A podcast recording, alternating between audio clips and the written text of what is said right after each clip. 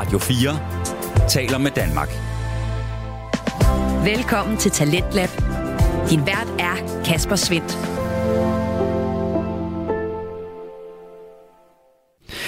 Hjertelig velkommen ind til programmet her på Radio 4, som præsenterer dig for Danske Fritidspodcast. I aften der har jeg tre på programmet, og øh, vi skal starte med at høre fra Filmklubben, som øh, endnu en gang gennemgår dette års store Oscarshow.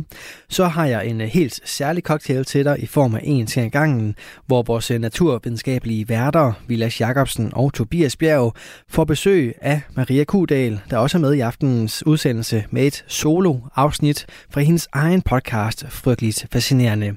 Og netop Maria får også lov at fylde her i det her klip fra en til en gangen, som i aften taler om Tjernobyl-ulykken.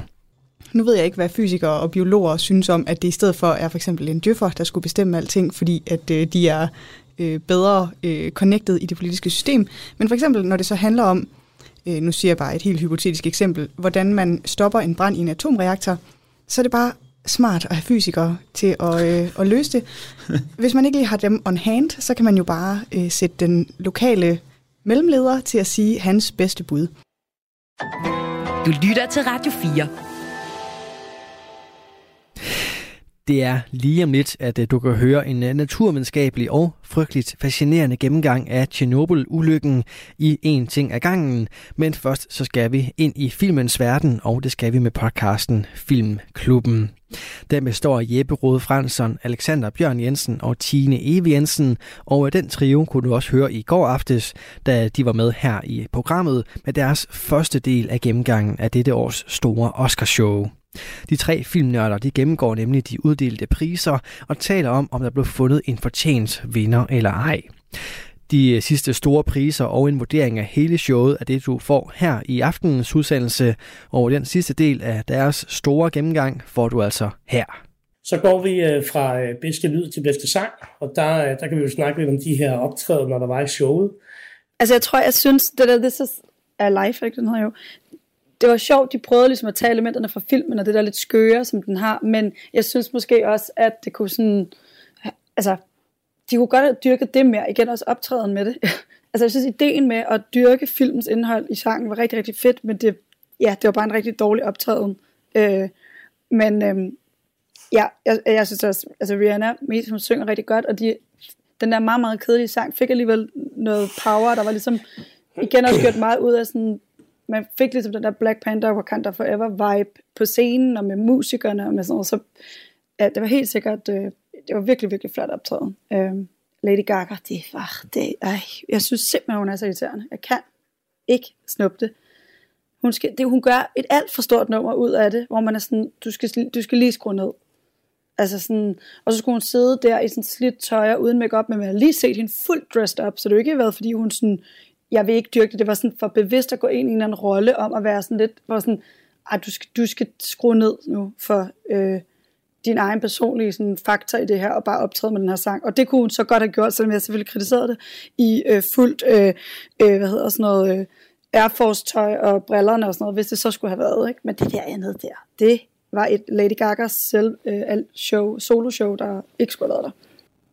Ja, jeg, jeg er så enig i forhold til det der med Lady Gaga, og man kunne, altså hun, øh, der var jo annonceret ud inden i den der rider for showet, at Lady Gaga ikke skulle optræde øh, for sangen, men så optrådte hun alligevel. Ikke? Men det var også sådan en mærkelig måde at få noget opmærksomhed på sig selv, at uha, jeg er lidt vigtig, jeg har valgt alligevel at optræde til det her show. Ikke?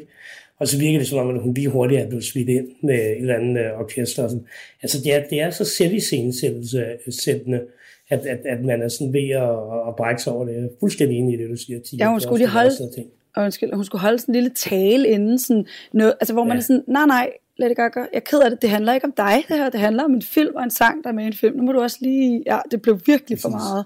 Og det kunne de bare dyrke sig på en total American øh, med fucking, altså, undskyld, med stort sceneshow og øh, øh, ja, kædedragter, hvad ved jeg. Altså, så kunne man i mindst have gjort det, ikke? Eller sådan.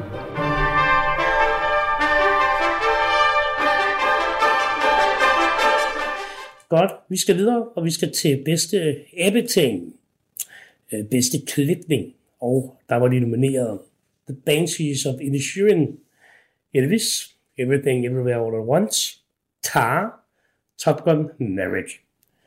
Og øh, Bjørn, vil du ikke øh, starte med at, øh, at sige, hvad du, øh, hvad du havde? Jamen, i film editing, editing, der havde jeg selvfølgelig Everything Everywhere All at Once, og det tror jeg, vi har snakket om en million gange også et separat afsnit. Øh, den her rejse mellem multiverset, det kræver en clever på overarbejde, og øh, det lykkedes rigtig godt, den her film, så selvfølgelig skulle den også have den pris. Enig også. Jeg har ikke noget og det, nej, altså lad os gå hurtigt videre, fordi vi taler både, vi taler bare omkring uh, klipningen i, uh, i episoden, omkring Everything Everywhere All at Once, som vi jo har ud, som man kan, man kan lytte til. Vi skal vi går videre uh, til directing, uh, hvem er bedst til at vise vej bag kameraet. Og uh, der var de nomineret uh, The Banshees of Inisherin, så var det Everything Everywhere All at Once, det var The Fablemans, det var Tar, og så var det Triangle of Sadness.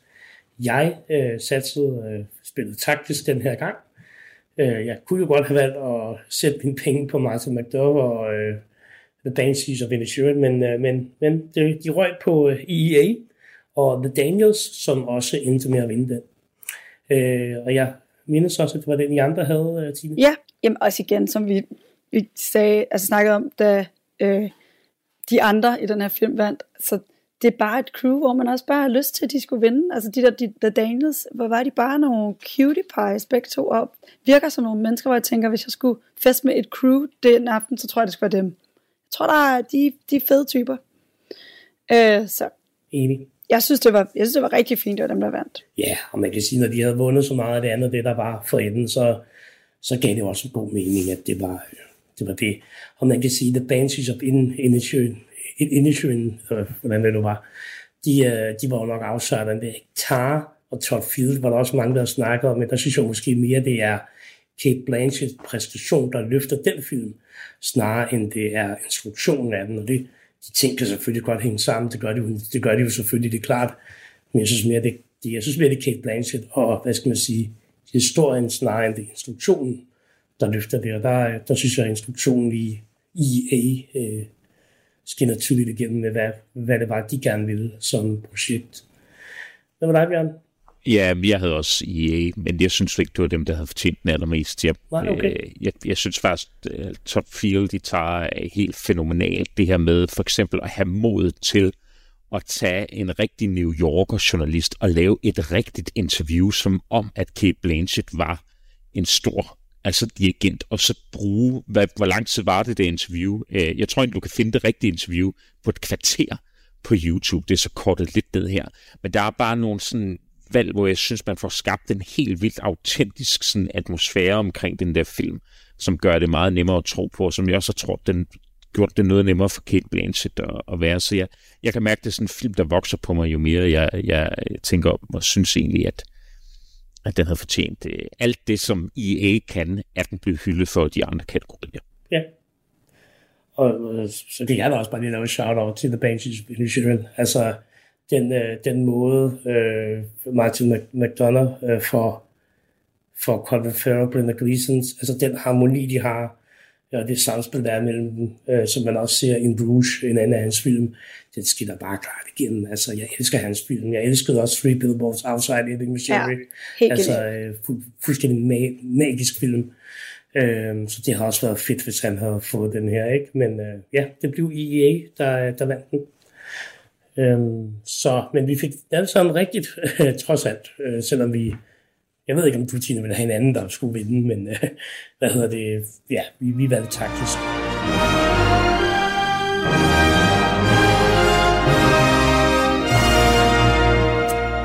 Så skal vi til actor in a leading role. Den var lidt spændende. Den var lidt spændende, ja. Og der var de nomineret Austin Butler for sin portrættering Elvis. Så var det Colin Farrell fra The Banshees of Inisherin. Så var det Brendan Fraser fra The Whale. Paul Maskell fra Aftersun, og så Bill Nye fra Living. Og øh, der var, øh, hvad hedder det, det spillede jo lige øh, mellem, skulle det være Austin Butler, eller skulle det være Brendan Fraser. Jeg øh, satte øh, på øh, Austin Butler, øh, fordi jeg synes, det er ham, der gør det bedste af de to. Øh, hvem, øh, hvem, hvem, hvem havde du sat på, Tine? Jamen altså, øh, både Bjørn og jeg, vi havde jo simpelthen sat os på The Whale, Øh, og det var jo derfor, det også var ekstra spændende i filmklubben, ikke? Vi var jo på, havde fordelt os. Øh, Og øh, Jeg sidder bare, og det er næsten ærgerligt, lytterne ikke kan se det. Børn, jeg kan ikke være sig selv, hvor glad han er for. og jeg tror, at... Øh, men jeg havde det sådan lidt blandet, for jeg synes, altså jeg synes, ja, jeg synes, det var rigtig godt, det var ham, der vandt. Og som vi har snakket om i vores opvarmningsafsnit, at også Butler skal nok få sin mulighed. Øh, men, øh, men jeg ved ikke, jeg tror også, jeg var sådan, om det blev Austin Butler eller Brendan Fraser, de begge to er virkelig, virkelig dygtige. Så, men det var godt, det var ham jeg tror jeg. Det var det rigtige valg. Jamen, jeg havde jo også Brendan Fraser, øh, og det havde jeg, fordi jeg synes, Brendan Fraser var den bedste. Øh, sige, det, det er svært at vælge strategisk her, fordi det har hoppet så meget. Det har virkelig været den mest spændende kategori, det her. Ikke fordi jeg tror, der er få, der har haft øh, nogen anelse om, hvem af de to, der ligesom skulle tage den. Øh, så jeg satte Christopher Brendan Fraser, fordi jeg synes, det var ham, der skulle, der fortjente Hans præstation i den der The Whale, den, den, den sidder stadigvæk virkelig, virkelig dybt i mig. Øh, og så var det rørende at se ham få den. Ja. Og, øh, og vi har snakket om det før, det er jo skide sjovt, at så både Brendan Fraser og, øh, og Ki Hui Kwang får en Oscar begge to. De startede deres filmkarriere ikke sammen, fordi Qui Kwang var jo lige med en Indiana Jones som skuespiller, men de havde været sammen. Øh, Øh, og så havde de mistet deres, øh, deres mod på, på karrieren eller filmindustrien, og nu, øh, nu fik de begge to combat samtidig, så det var også en sød historie. Og jeg synes, øh, Brendan Fraser lignede en, der var ved at få et angstanfald. Altså, han, han var sådan en trækværet kammerat, fordi han var helt, han kunne slet ikke, og jeg tror, han købte, han, han glemte den og tak sin kone i den der tale. Det er jo altid sådan lidt pinligt, men, øh, men det var simpelthen en fest at se ham få den der Oscar der. Øh. Jeg har virkelig se en, hvor det betyder, lidt ligesom jeg synes, altså, ja, altså det betød virkelig, virkelig meget, at han fik den. Det synes jeg også er vigtigt. Øh, og så, jeg lagde mærke til Austin Butler, da det blev annonceret af Brendan Fraser, og han havde bare, altså, en så nice energi, hvor jeg også var sådan, okay, jeg tror, det var det smukt øjeblik. Alle synes faktisk, det her det var det helt rigtige, så det synes jeg også var en fed ting. Og han skal nok få muligheden igen, altså. Måske. Altså, jeg, jeg kan jo virkelig være bekymret for den der, som vi også snakker om i optakten, typecasting. Altså, det, det blev også sagt flere gange, at øh, han er her jo allerede, eller hvis ikke, og måden han, når han taler på, bliver, altså, man får med det samme associationer på, øh, på altså, til så, så der kan jeg da være lidt bekymret, men altså, det forarbejde, han med Hen i Elvis, altså, øh, det er jo flere år med, med intens forberedelse til at lave den film der. Øh, det kunne man jo håbe på, at det talent, han viser der, jo så kan gøre, at han ikke bliver typecastet i noget andet. Øh, men ja, jeg havde, jeg havde jo også den bånd, så, så der, øh, der kan I to sætte flueben øh, ved den, og være, være tilfredse og glade. Øh, der skal også siges, øh, laves et shout-out igen til Colin Farrell. Jeg synes, han er fremragende i den her The Banshees of Inisherin. Altså, øh, det, det er bare godt. Altså, og han skal også nok få øh, på et eller andet tidspunkt blive hyldet øh, for, for det, han, han kan, som, som er rigtig, rigtig godt. And the Oscar goes to Brendan Fraser. Oh, my goodness. Um, I thank the Academy for this honor and for our studio A24 for making such a bold film. Så skal vi til Actress in a Leading Role. Og de er nominerede øh, til lige præcis den her in a Leading Role, det var Kate Blanchett for Tar, så var det Anna de Armas for Blonde, så var det Andrea Riseborough fra To Leslie, Michelle Williams øh, fra The Fablemans, og så var det Michelle Yao fra Everything Everywhere All at Once. Hvis jeg skal starte, så sagde vi jo øh, i vores optagsepisode, at det her, det var der absolut ingen tvivl om. Det var Kate Blanchett, og det var nok en af dem, der var mindst, mindst spændende, tror jeg, vi, øh, vi sagde i vores optakt. Og det fik vi øh, da øh, fuldstændig øh, ikke, ret, ikke ret i. Øh, for det blev øh, Michelle Yao, der, der vandt. Jeg tror, vi alle sammen havde øh, Kate Blanchett øh, som vores, øh, hvad hedder det, øh, det, vi har sat kryds i fordi det simpelthen er den bedste præstation i den her kategori. Altså det er øh, uh, tueri ved højlysdag, hvis jeg nu bare lige skal være helt ærlig, at uh, Kate Blanchett ikke får den her, øh, den her Oscar. Og det handler udelukkende om, at hun har været nomineret før, og det synes jeg jo et eller andet sted er ærgerligt, fordi hvis skuespilspræstationen alene øh, er den bedste, så synes jeg også, det er den, der skal vinde. Hvad tænker I andre? Altså helt enig, og jeg tror, altså jeg, øh, det er bare sådan en, der... Jeg, jeg, det var sådan super ærgerligt, og jeg, da vi kom til kategorien, så tænkte jeg bare, det er garanteret Michelle Jarlsson, fordi nu kunne man bare se, at everything var nomineret, eller havde vundet så mange andre, ikke? og det er lidt den del, jeg tror, jeg synes er ærgerligt. Det bliver også lidt, ah, okay, så er det, ja, kom lige med noget andet også. Øh, vi snakkede om, jeg synes jo, at, altså, at Michelle Williams er nomineret for bedste kvindelige hovedrolle, synes jeg er ret specielt i forhold til, at det synes jeg ikke er det, hun spiller i The Fablemans. Øh, så ja, jeg tror også, jeg synes, det er sådan, feltet er også sådan lidt mærkeligt i forhold til, øh, ja, øh, hvem der nu er på. Øh, og så er der selvfølgelig hende Andrew Diana Risenborough, som har skabt en masse røre, men Jeppe, du havde jo så set til Leslie og sagde, at det var virkelig en god, øh, god præstation. Øh, hvad vil du sige i forhold til Kate Blanchett, hvis du ligesom skulle og Michelle Yao? Øh, altså, der er ikke nogen tvivl om, at, at, ja, at de to stærkeste præstationer i den kategori, øh, det, altså, det er øh, Kate Blanchett og Andrea Riseborough. Øh, i, altså, det er en kraftpræstation, øh, det hun leverer i To Leslie. Det, det er virkelig, virkelig godt. Øh, filmen er måske lidt banal. Øh, plottet har man set før. Øh, det handler om en mor, som vinder i lotto. Øh, hun kommer fra en, et rimelig hårdt miljø. Øh, jeg ved ikke, om hvis, hvis det er nogen, der kan huske den der Hillbilly Electric, der blev nomineret for, var det sidste år eller forrige år? Eller ja. Eller der er sådan lidt den samme vibe i den. Øhm. Ja, vi havde også Kate Blanchett, øh, og i virkeligheden så burde alle de andre i den kategori jo være nede ved de der børne-Oscars, vi så, de havde indført uddelt. Øh, fordi det, det Kate Blanchett gør, det, det, kan, det er der ikke nogen af de andre, der overhovedet kan måle sig med, synes jeg. Jeg synes, det er så vildt, øh, hun ikke har fået den Oscar. Jeg synes også, det kan også bare være, det var mig, man kunne se på hende, hun også selv var lidt overrasket. Ikke fordi jeg tror, hun er ked af det, men fordi jeg egentlig også tror, hun selv havde regnet med, at det var der, den skulle ende. Øh, jeg vil altså bare lige hurtigt give et lille skud ud til Michelle Williams også. Jeg synes, gjorde det rigtig, rigtig godt i The film. At det, hun var faktisk den, der var værd at sidde og, og følge med i, i, øh, i den film. Jeg, jeg er sgu ikke enig. Jeg er ikke enig. Altså, jeg synes, det, jeg, synes, jamen, jeg synes, det bliver så teatralsk. Altså, hver gang med Michelle Williams. Altså, der var så mange ting i den der film, som var så til også Paul Dano nogle gange. Og det har jo noget at gøre med den der slow motion og sådan noget, men jeg synes bare ofte med Michelle Williams, at det bliver så teatralsk og overdrevet i en skuespil. Øhm. Men jeg, jeg, jeg, kunne, jeg kunne nok godt lide hende. Øhm, jeg, jeg tror ikke, jeg synes, det var Michelle Yao, der skulle have haft den, hvis det ikke skulle have været Kate Blanchett. Øhm, øh, det blev sådan. For all the little boys and girls who look like me watching tonight, this is a beacon of hope and possibilities. This is proof that dreams dream big and dreams do come true. And ladies, don't let anybody tell you you are ever past your prime. Never give up. Vi går til bedste film. Der var de nomineret uh, All Quiet on the Western Front, Avatar The Way of Water, The Banshees of Inisherin, Elvis, Everything Everywhere All at Once, The Fablemans, Tar, Top Gun Maverick, Triangle of Sadness, og så Woman Talking.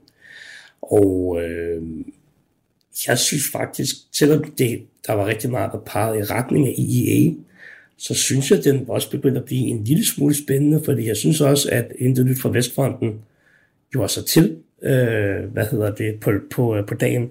Og man kan sige, at det momentum, vi talte om, at Intet Nyt fra Vestfronten havde i forhold til Golden Globe og havde mistet, øh, de var jo lidt tilbage, i hvert fald under showet.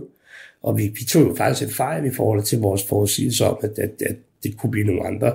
Altså, den har de simpelthen formået at, at holde øh, hele vejen fra Golden Globe til Oscars. Det er jo et eller andet sted ret imponerende, selvom den, hvad skal man sige, offentlige opinion ikke har været imod, men i hvert fald bare ikke er gået i deres retning, den er gået i nogle andres, andres retning. Øh, men ja, Bjørn, vil du ikke øh, lægge ud og fortælle, øh, hvem du havde her? Jo, jeg havde Everything Everywhere All at Once øh, det var jeg rimelig sikker på, at det var den, der skulle løbe med den af, af de film. Og særligt fordi, at, øh, at Intet Nyt fra Vestfronten jo fik bedste ikke engelsksproget film. Øhm, som nogen vil mene, at så var den blevet hyldet øh, rigeligt på den måde. Det er jo en ret flot pris i sig selv i virkeligheden at få. Ikke? Øhm, så øh, ja, det, det var jeg ikke så meget i tvivl om overhovedet. Hvad med dig, Tine? Nej, jeg havde også øh, Everything Everywhere All at Once. Og jeg synes, ja, det var heller ikke så overraskende. Slet ikke på det her tidspunkt på aftenen. Der... Hvad hedder det? Jeg, har, jeg havde også EA. Øhm, ja, og jeg synes jo, The Banshees of Inisherin er den, og Tar, altså jeg, jeg talte lidt omkring Tar i, øh, i optagsepisoden, jeg, jeg synes, den skulle have fundet bedste film, altså fordi det er ikke nok at, at, at være den mest underholdende, jeg synes også, der skal være noget indhold, og jeg synes bare, jeg vil gerne gentage det igen, at jeg synes, Tar taler ind i noget tidsånd, som er relevant lige nu som måske ikke er relevant om et år, og ikke var relevant for tre år siden. Øh, du kan kunne sagtens lave EA for 10 år siden, du kan lave den om 10 år. Det vil være præcis samme film, og den vil sikkert vinde så mange Oscars. Øh, tak kan du lave nu, øh, og jeg synes, den taler ind i noget, som, som burde have været, været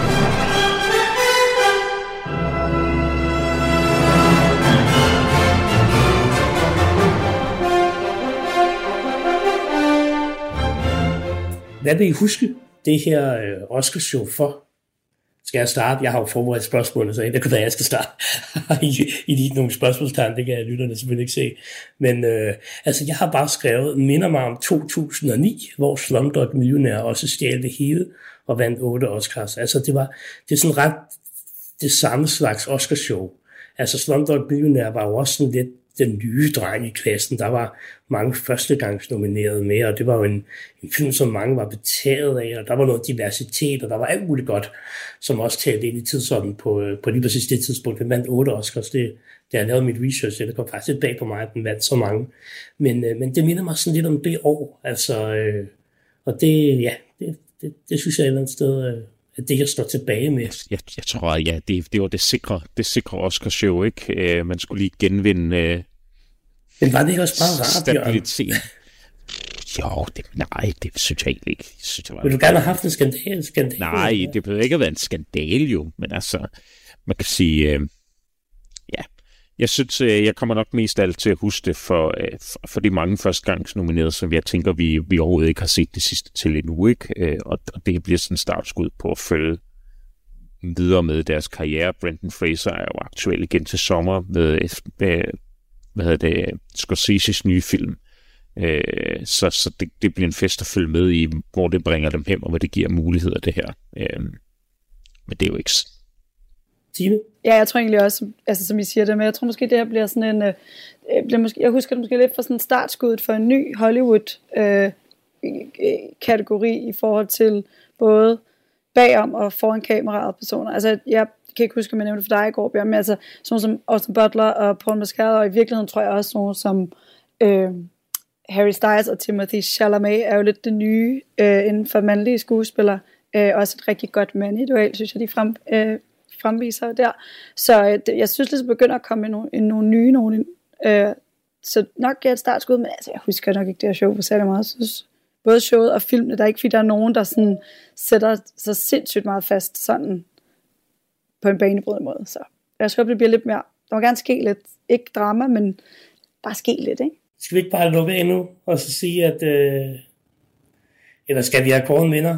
Jeg kan godt starte, øh, fordi jeg tror ikke, jeg vinder. Øh, jeg øh, fik 13 rigtige, hvilket jo er en øh, voldsom nedgradering fra sidste år, hvor jeg fik 21 ud af 23. Øh, men øh, Bjørn, nej, husk, Tine, vil du så øh, følge op på, hvor mange fik du rigtigt? Jeg fik 14 rigtige, så jeg kan simpelthen ikke huske, hvad jeg har fået de andre år, men jeg stemmer jo som regel med hjertet. I år har jeg faktisk ikke stemt så meget med hjertet, men bare stemt, så jeg tror, at øh, ja, så 14. Og Bjørn? Jeg fik 17. Så det, det er fandme godt gået. Sådan, Bjørn. Tillykke ja. med det. Værsgo, du får tak, tak, tak. den her Oscar. Værsgo, hvem vil du takke? Jamen, min kat, Bart, der ligger her ved min side. Herman? Ja, og øh, så, så vil jeg gerne have jer med til Oscarshowet. Jeg er med på, I vil aldrig vælge mig. Men, øh... jeg vil bare lige lave et skud til Questlove, der ankom i Crocs, og der vil jeg allerede sige, at nyt niveau for rød løber. Men Bjørn sagde, at jeg måtte ikke følges med ham, hvis jeg havde øh, klipklapper på. Nej, han, han tager dig, Bjørn. Eller dig, øh, Jeppe. Ja, jamen det kan jeg også godt forstå. Jeg er også meget øh, fashion-agtig. Du lytter til Talentlab på Radio 4. Og her var det således Jeppe Rode Fransson, Alexander Bjørn Jensen og Tine Eve Jensen, som fik rundet af for aftenens afsnit af Filmklubben. Den podcast kunne du også høre i går aftes, hvor du kunne høre den resterende del af deres øh, store gennemgang af dette års Oscar-show. En øh, prisuddeling, som jeg tænker, at øh, alle filmnørder ikke kan få nok at høre om. Og øh, hvis du er en af dem, så kan du altså gå ind på din foretrukne podcast tjeneste og finde flere afsnit af Filmklubben. Og så kan du også følge podcasten inde på det sociale medie Instagram. Og både på podcast, tjenester og de sociale medier, der kan du også finde aftenens næste fritidspodcast. Den hedder En ting ad gangen og øh, består af Vilas Jacobsen og Tobias Bjerg. Det er en naturvidenskabelig podcast, hvor vi får forklaret nogle komplekse fænomener på et øh, niveau, hvor både nørder kan få stillet deres nysgerrighed, og også noviser kan få en fornemmelse for, hvad der egentlig sker omkring os. I aften der har de to værter endnu en gang teamet op med podcasteren Maria Kudal fra Frygteligt Fascinerende. Det er det samarbejde, der også før har kastet nogle gode afsnit fra sig, og det er altså også øh, lykkes igen, og denne gang der dykkes der ned i Tjernobyl-ulykken. Og øh, den her kombination af to fritidspodcast får du første del af her. Velkommen til denne anden omgang af en frygtelig fascinerende ting ad gangen, hvor Vilas og jeg igen har fået besøg af Maria. Vi skal i dag snakke om nedsmeltning på atomkraftværket i Tjernobyl. Og her vil det være en underdrivelse at sige, at der blev begået mange fejl i håndteringen af ulykken. Øh, nu siger jeg bare et helt hypotetisk eksempel. Hvordan man stopper en brand i en atomreaktor, så er det bare smart at have fysikere til at, øh, at løse det.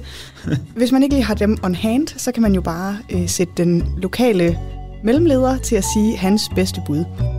Men hvordan opstod katastrofen egentlig i første omgang? Og kunne den være undgået? Vilas og Maria tager i de to næste afsnit mig og jer lyttere med tilbage i tiden for at dykke ned i fysikken og historien bag katastrofen. Velkommen til den her specielle udgave af En frygtelig ting ad gangen. Så du er her også, Maria? Det er jeg, og tak fordi jeg måtte være med. Vi er her faktisk fordi, at vi skal optage noget, der både er frygteligt, fascinerende og fysik. ja. og frygtelig fascinerende fysik. Ja, præcis. Uh, vi taler om Tjernobyl, og Nemlig. det uh, var jo egentlig Maria, der, der kom til mig med den her idé, uh, fordi og, af gode grunde er det jo en rimelig frygtelig begivenhed, og der er også en del spændende fysik i det, og man kan jo tænke på, jamen er det ikke blevet dækket? Er der ikke den her utrolig kendte HBO-serie?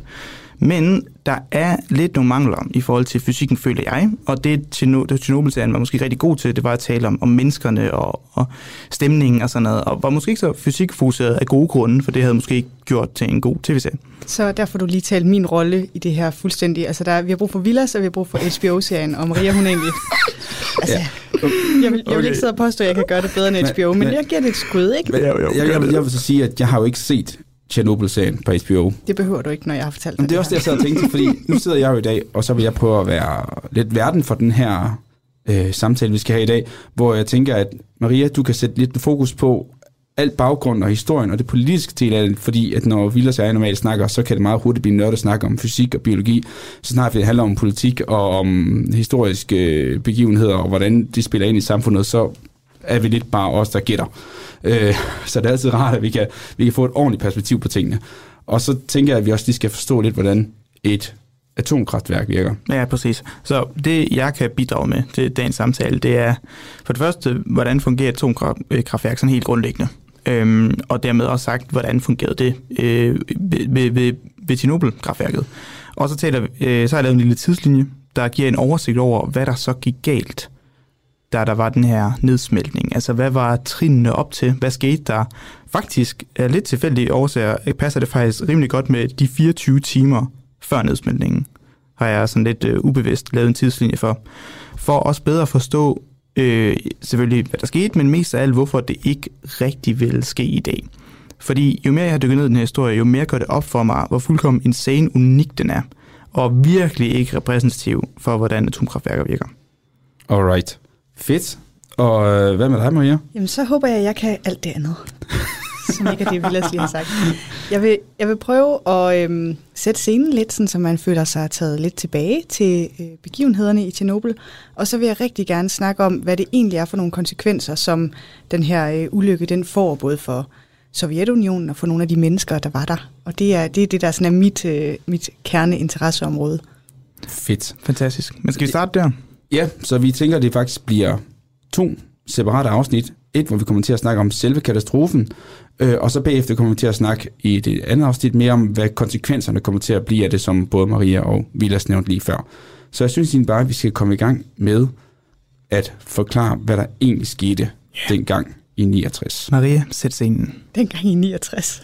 Var det ikke i 69? 86. Satans. God start. God start. Det er derfor, jeg har en historiker med. Det er ikke engang historiker. Jeg er bare bedre end jer. Nå, 69, det var månelanding. Det var sådan, det var. Okay, tæt på. Det er godt. Du lytter til En til en gang med Vilas Jacobsen og Tobias Bjerg.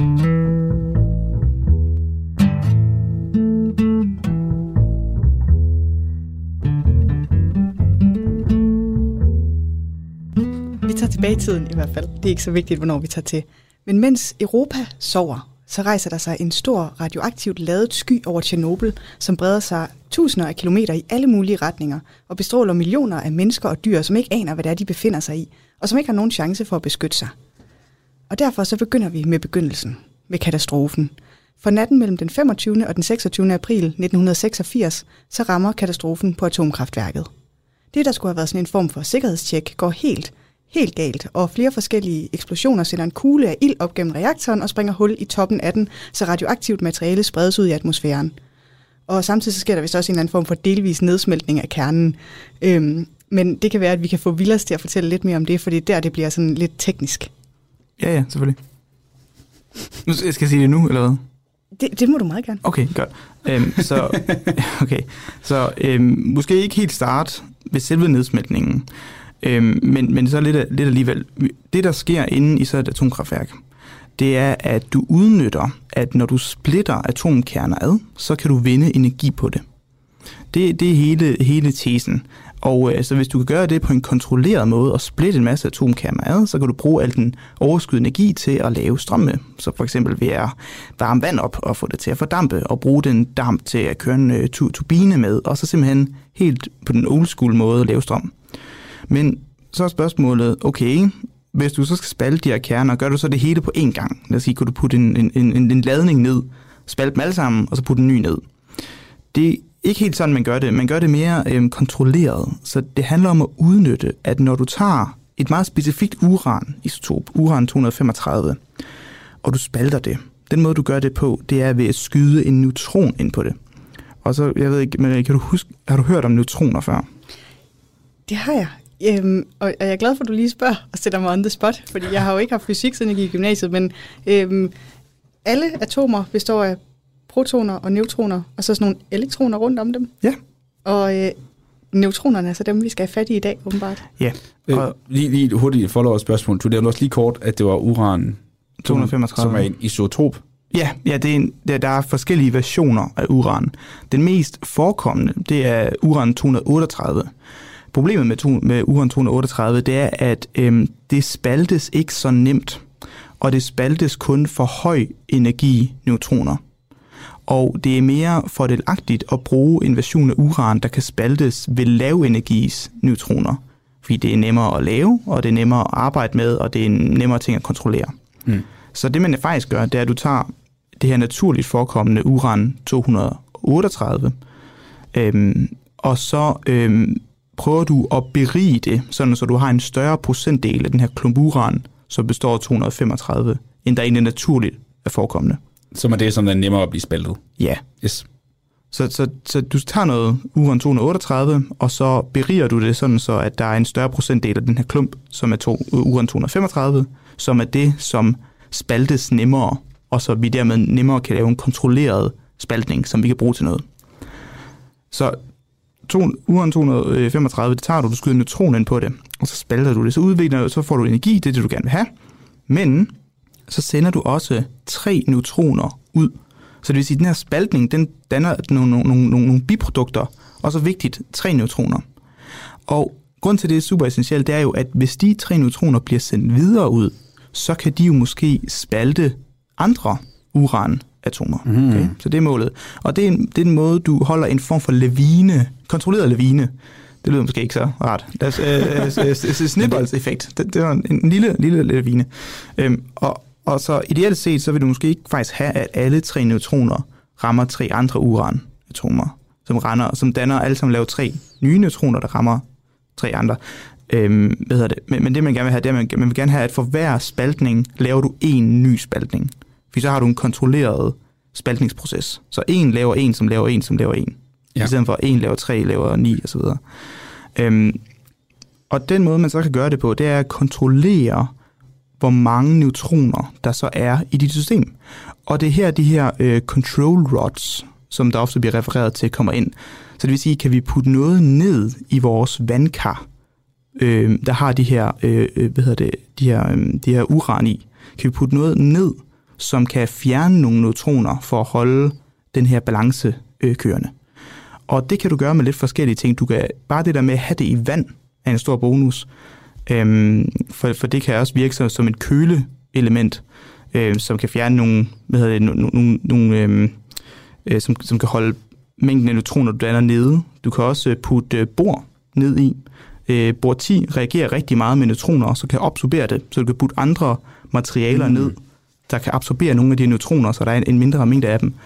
Og, og det er basically det, man gør. Så du har de her uran, du udnytter, at når du splitter uran 235A, så udvinder du energi, og tre nye neutroner, som så kan holde processen kørende, og for at der ikke er for mange neutroner, der bevæger sig frit, og, og den her øh, proces bliver løbsk, så putter du for eksempel bor eller andre midler eller andre måder at, at, at, at opsuge og absorbere neutronerne på, for at holde, holde det hele øh, på et mere stabilt niveau. Okay, så det, det vand, de der rods, de er nede i, det er faktisk ikke dem, som der bliver varmet op? Altså det er vand? Det er det faktisk også. Det bliver bare udskiftet helt vildt hurtigt. I hvert fald i den her type reaktor. Så det vil sige, at okay. du, har en, du har nogle pumper, og det er faktisk ret essentielt. Du har nogle pumper, der pumper vand ind øh, gennem de her, øh, hvad hedder det, de her rods med, med uran i, og så det her vand bliver taget ud, og så er det rigtig, rigtig varmt, og så bruger du den damp, der er for vandet, øh, hvad hedder det, til at køre en turbin med. Ja, og så når det så køler ned, så kører det tilbage ind ja. og køler det andet ned, og så videre, så videre, så videre. Okay, Præcis. så de har faktisk to funktioner, det vand, som de her mm. uh, rods, ja, det er både man, ja. køler, og, og så gør det egentlig også det, at det øh, modererer altså ikke absorberer, ikke absorberer, absorberer det, når det fjerner neutronerne, mm. men det modererer neutronerne, så de er ved lavere energi. Øhm, og det er faktisk fordi, et vandmolekyle består jo af oxygen og to hydrogenatomer. Yes. Right? Og hydrogen er cirka samme masse som neutroner. Så når du har, når du har to ting med cirka samme lige øh, vægt, som støder ind i hinanden, så vil der være en stor øh, overførsel af energi. Altså, for, har I spillet billiard eller sådan noget? Ja. Lidt pool. pool okay, lidt pool. Okay, okay. Det når, når, når du skyder en, en, en poolbold, right? og, og den forhåbentlig den hvide kugle rammer en af de andre. Jeg har ikke spillet så meget pool, men det er lige meget. Øh, rammer den anden, så kan du så forhåbentlig, så skyder den nye bold, som ligger stille, afsted med en masse energi. Okay? Det fungerer, fordi de her to poolbolde er cirka samme vægt, cirka samme størrelse. Ja, ja, så er overførselen ja, af energi. Præcis. Hvis ja. du skyder bolden ind mod væggen i pool, så deflekter den og ryger videre. Right? Ja. Øh, er det ikke resten af poolbordet, der rykker sig? Det er ikke resten af poolbordet, der rykker sig. Og det er lidt det samme. Så hvis vi har noget i samme vægtklasse, så f.eks. hydrogen, så kan den overføre noget mm. energi til det, og så sænker det energien på neutronerne. Og neutronerne er ved lavere energier, er de mere tilbøjelige til at lave fission øh, med uranen. Så på den måde er det også, altså du har jo en masse ting, du skal skrue på. Du vil gerne holde neutronerne nede, men du vil også gerne have, at du har en, en, en okay, okay mængde af de neutroner, som spalter meget uran, mm. som er lave energisneutronerne. Så det er alt, alt det her, du skal, du skal balancere ud. Og det er ligesom det store udfordring ved de atomkraftværker, det er at sørge for, at du har en nok mængde neutroner til at lave processen, og de har en lav nok energi, så det er sandsynligt, at det sker, men samtidig ikke have så mange neutroner, så det løber løbsk. Er, er det det, der sker i en, øh, uden det skal have for meget, det er det der sker i en atombombe? Er det, at man, det, ja. de løber løbsk? Ja. Ja, okay, så det vil man gerne undgå? Mm. Yes. Det, det, kunne, det kunne man jo argumentere for, ja. Er, er, det, er det det, der gik galt så, dengang? Øhm, ja, altså det, der gik galt, var, at det løb løbsk. Men, men, men hvorfor at det løb løbsk var sådan helt, helt absurd latterligt. Øh, så lige uden at gå i gang med det afsnit, bare lige for at sætte scenen, øh, der, er en, der er en rimelig essentiel design flaw i det her atomkraftværk i Chernobyl.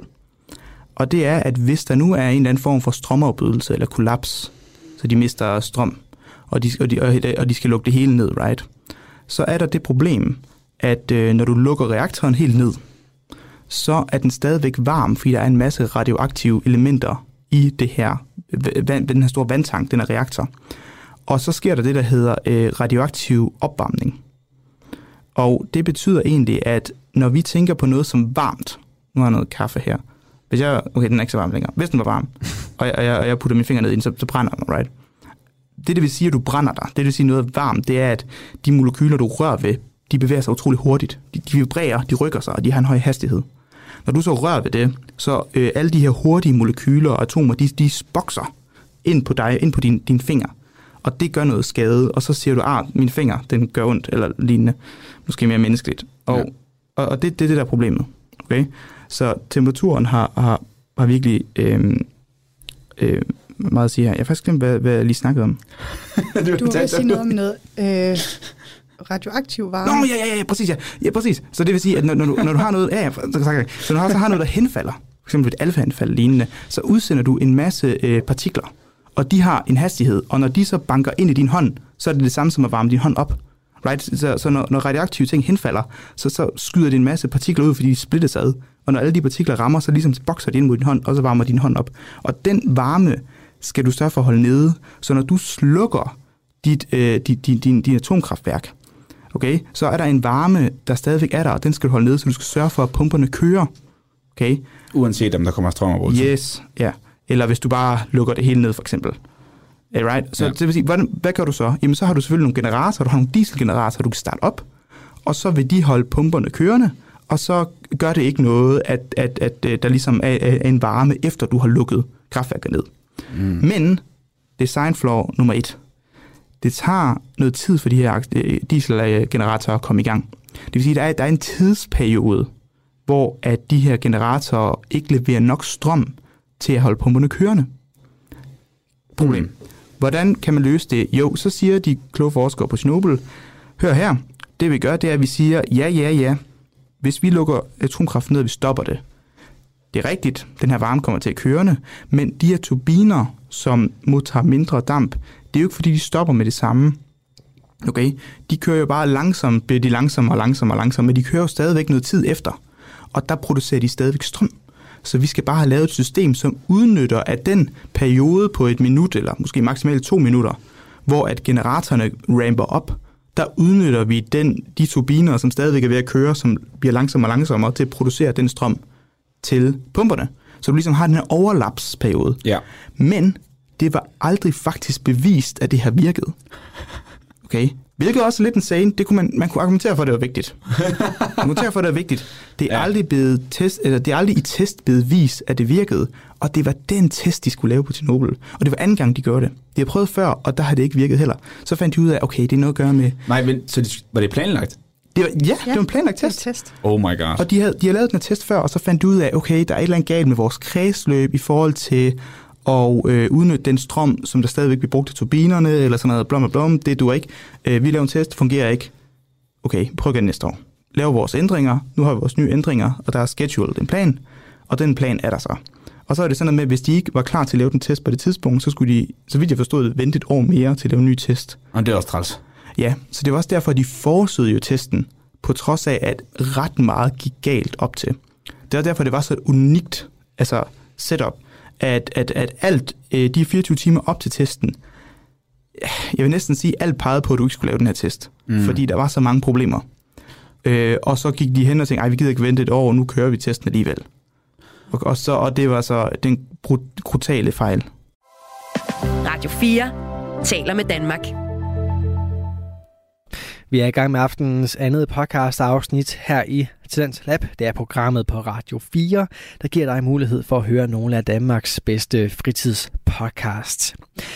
Mit navn det er Kasper Svendt, og i denne time der har jeg blandt andet fornøjelsen af at give dig en episode fra en til en gangen, en naturvidenskabelig podcast med Vilas Jacobsen og Tobias Bjerg, der denne gang også har besøg af medpodcasteren Maria Kudal fra Frygteligt Fascinerende.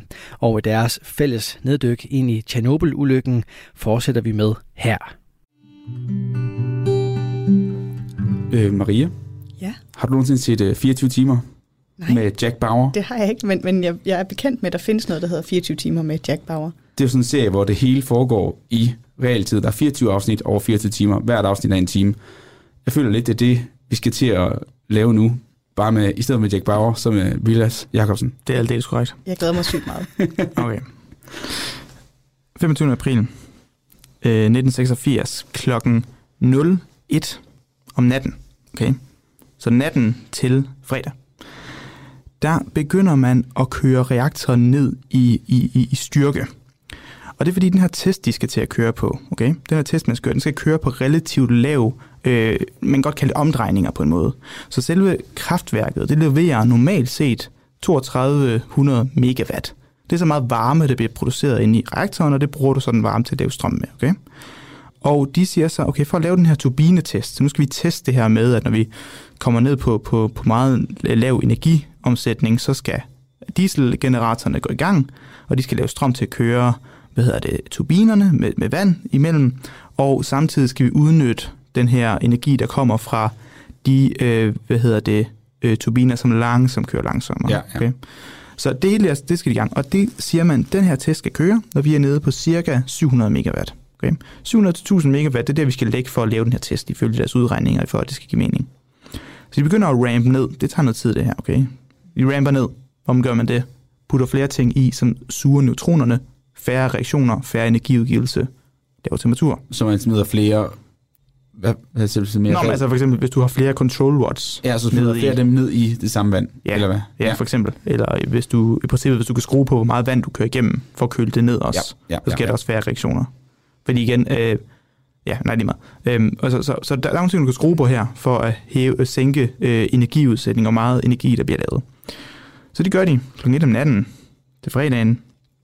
Og så, og det går egentlig ret godt. De, de kører ned, de kører ned, de kører ned. Og så klokken 1, 13.05, der er de nede på 50 procent. Klokken 13, altså om, om næste dag. Næste dag, ja. Yes. Så det har taget noget tid. Der er de nu nede på 50 procent af deres, øh, hvad hedder det, øh, hvor, for hvor meget den kan levere. Så den kan levere Ja, ja, 3200 max. megawatt. De er nede på 1600 megawatt nu. Okay. Der sker nogle ting, når vi kommer ned på lave energier i den her type reaktor. Og det er nemlig, at de her, de, nu sagde jeg uran, det splitter du, og det danner tre neutroner. Det er også rigtigt. Det danner også nogle andre radioaktive isotoper. Okay? Blandt andet plutonium. Og sådan, der, der, er mange, der er mange forskellige isotoper, den danner. Mange Ja, forskellige, der er er mange fordi, forskellige det er jo gået fra, når man spalter den, så kan den jo, kan den jo kun, det går ikke bare midt over i to. Nej, det nej, kan jo nej, nej. gå i en tredjedel størrelse og to tredjedel størrelse, Ja, og præcis. i alle mulige Så- forskellige størrelser. Ja, så tre små neutroner, og så typisk to store datterkerner. Okay? Ja. Og der kan ske lidt forskellige ting med dem. Den kan lave lidt forskellige ting, og de er typisk også radioaktive og vil henfalde. Og det var faktisk øh, de henfald, det er den varme, som, som de danner, som man skal holde på. Det er det, vi derfor laver hele testen. Mm. Det, de kan finde på at lave, det de kan finde på at lave et stof, der hedder xenon 135. Okay? Og det der med det stof, det er, at det er en kæmpe neutronabsorptionsmaskine. Øh, maskine. så det kan lyde godt, men det er i og for sig problematisk, fordi man vil gerne udnytte de neutroner, man har. Man vil ikke altid bare dem suge op. Så man kalder det xenon poisoning inden for atomkraft øh, kraft, øh, lingo. Og det gør, at når du får lavet for meget af det her xenon, så suger de for mange neutroner, og så du ved, bliver der for få reaktioner, og så falder temperaturen, og så kan det være svært at holde maskinen kørende. Nu skal det måske gå helt i stå. Ja, det er der så, det, det, det, normalt er det ikke et problem, fordi at det xenon, der bliver lavet, det bliver også sådan brændt af igen ved høje energier.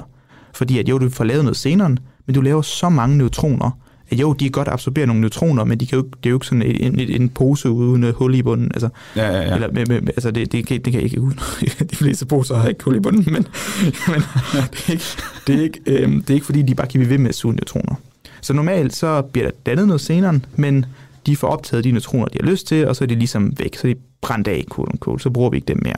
Men når vi har lavere temperaturer, så producerer vi mere xenon, end vi kan nå at slippe af med.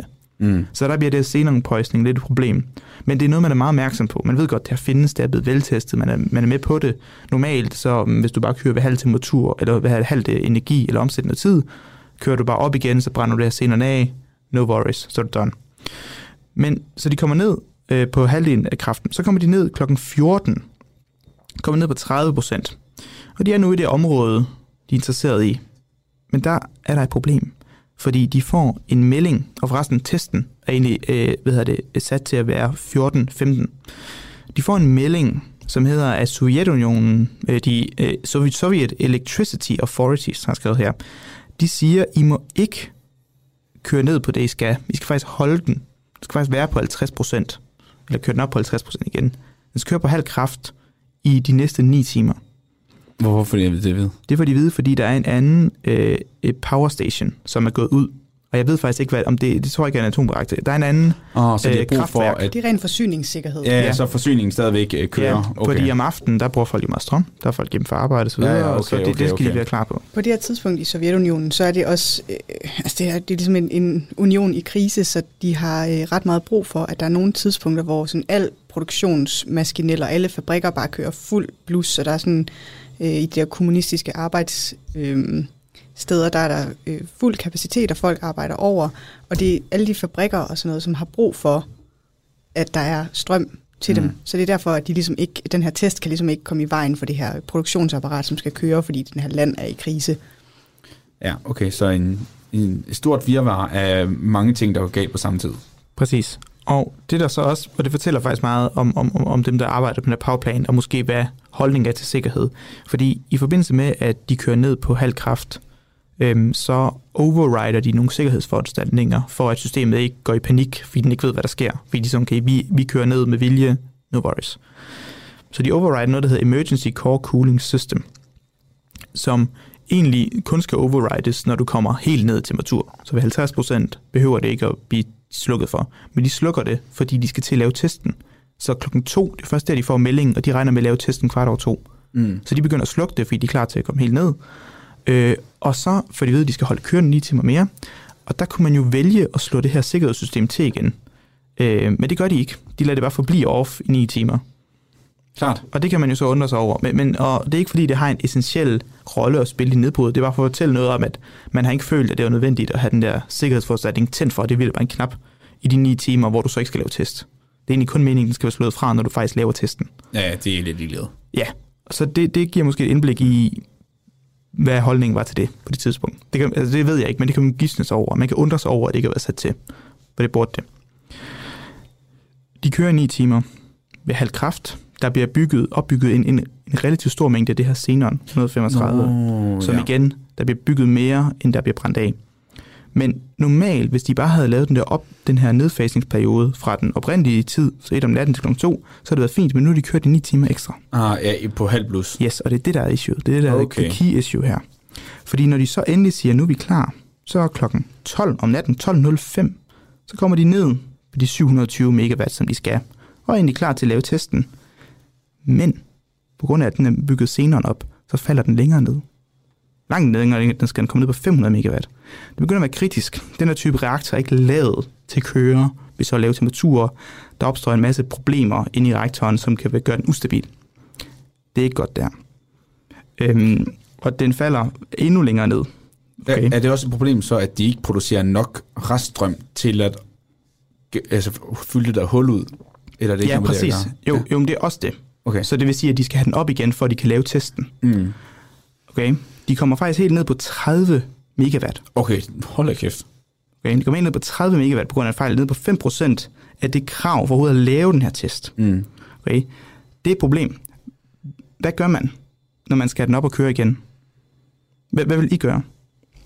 Mere uran? Mm, ikke mere uran. Nej. Har du et uh, bud, Maria? Nej, jeg, jeg, jeg føler ikke, at min gæt skal... Du fjerner de her control rods. De her Nå, kontroller. Det du sagde, man brugte til at Ja, ja, ja. sænke... Ja, præcis. Du fjerner dem, og du fjerner lidt flere, og du fjerner lidt flere, og du fjerner lidt flere. Der er 211 control rods i det her system. De kommer ned på under 15 i det her. Så vi siger, der er, der er kun... Og det er jo, det er jo kæmpe stort kar, det her. Kæmpe stort vandkar. Ja. Øhm, hvad hedder det? Og de, tager, de ender med at have under... Og 15 er, er, er ligesom grænsen for, hvad du... Det er det mindste, du må have i på noget tidspunkt. Du må ikke have under det. Fordi det tager også noget tid for de der rods at sænke ned igen, og det kommer Mm. faktisk også til senere. Så de kommer virkelig langt ned, fordi de skal bare have den her op og køre igen. Og på det her tidspunkt, der, der, der, der er nogle seriøse problemer i den her reaktor på det tidspunkt. Der begynder også at opstå, hvad hedder det, sådan nogle øhm, damphuller. Og det er vigtigt at forstå, at øhm, hvad hedder det, vand har den her to funktionalitet, den køler, og den, øhm, hvad hedder det, og, og så er den også en, en moderator for at sænke temperaturen af neutronerne. Og den moderation, den, den, den hjælper lidt, og den holder lidt styr på, på det hele, men det absorberer også nogle neutroner. Så den har lidt forskellige funktioner, det her vand. Men øh, vanddamp i forhold til vandvæske øh, kontrollerer kort sagt neutronmængden dårligere. Så når du har opstået vanddamphuller, så får du faktisk ofte flere neutroner, der kan lave spaltning, end du ønsker. Mm. Så du vil meget gerne ikke have dampbobler inde i selve reaktoren. Du vil gerne have dampen bagefter. Ja, ja, ja fordi det gerne dampen bruge, bagefter. som, som du sagde, vi har brug for vand, som de der, vores, din billiard-analogi, du lavede tidligere. Ja. Billiardbolde, der ramte ind i hinanden. Okay. Du lytter til Talentlab på Radio 4.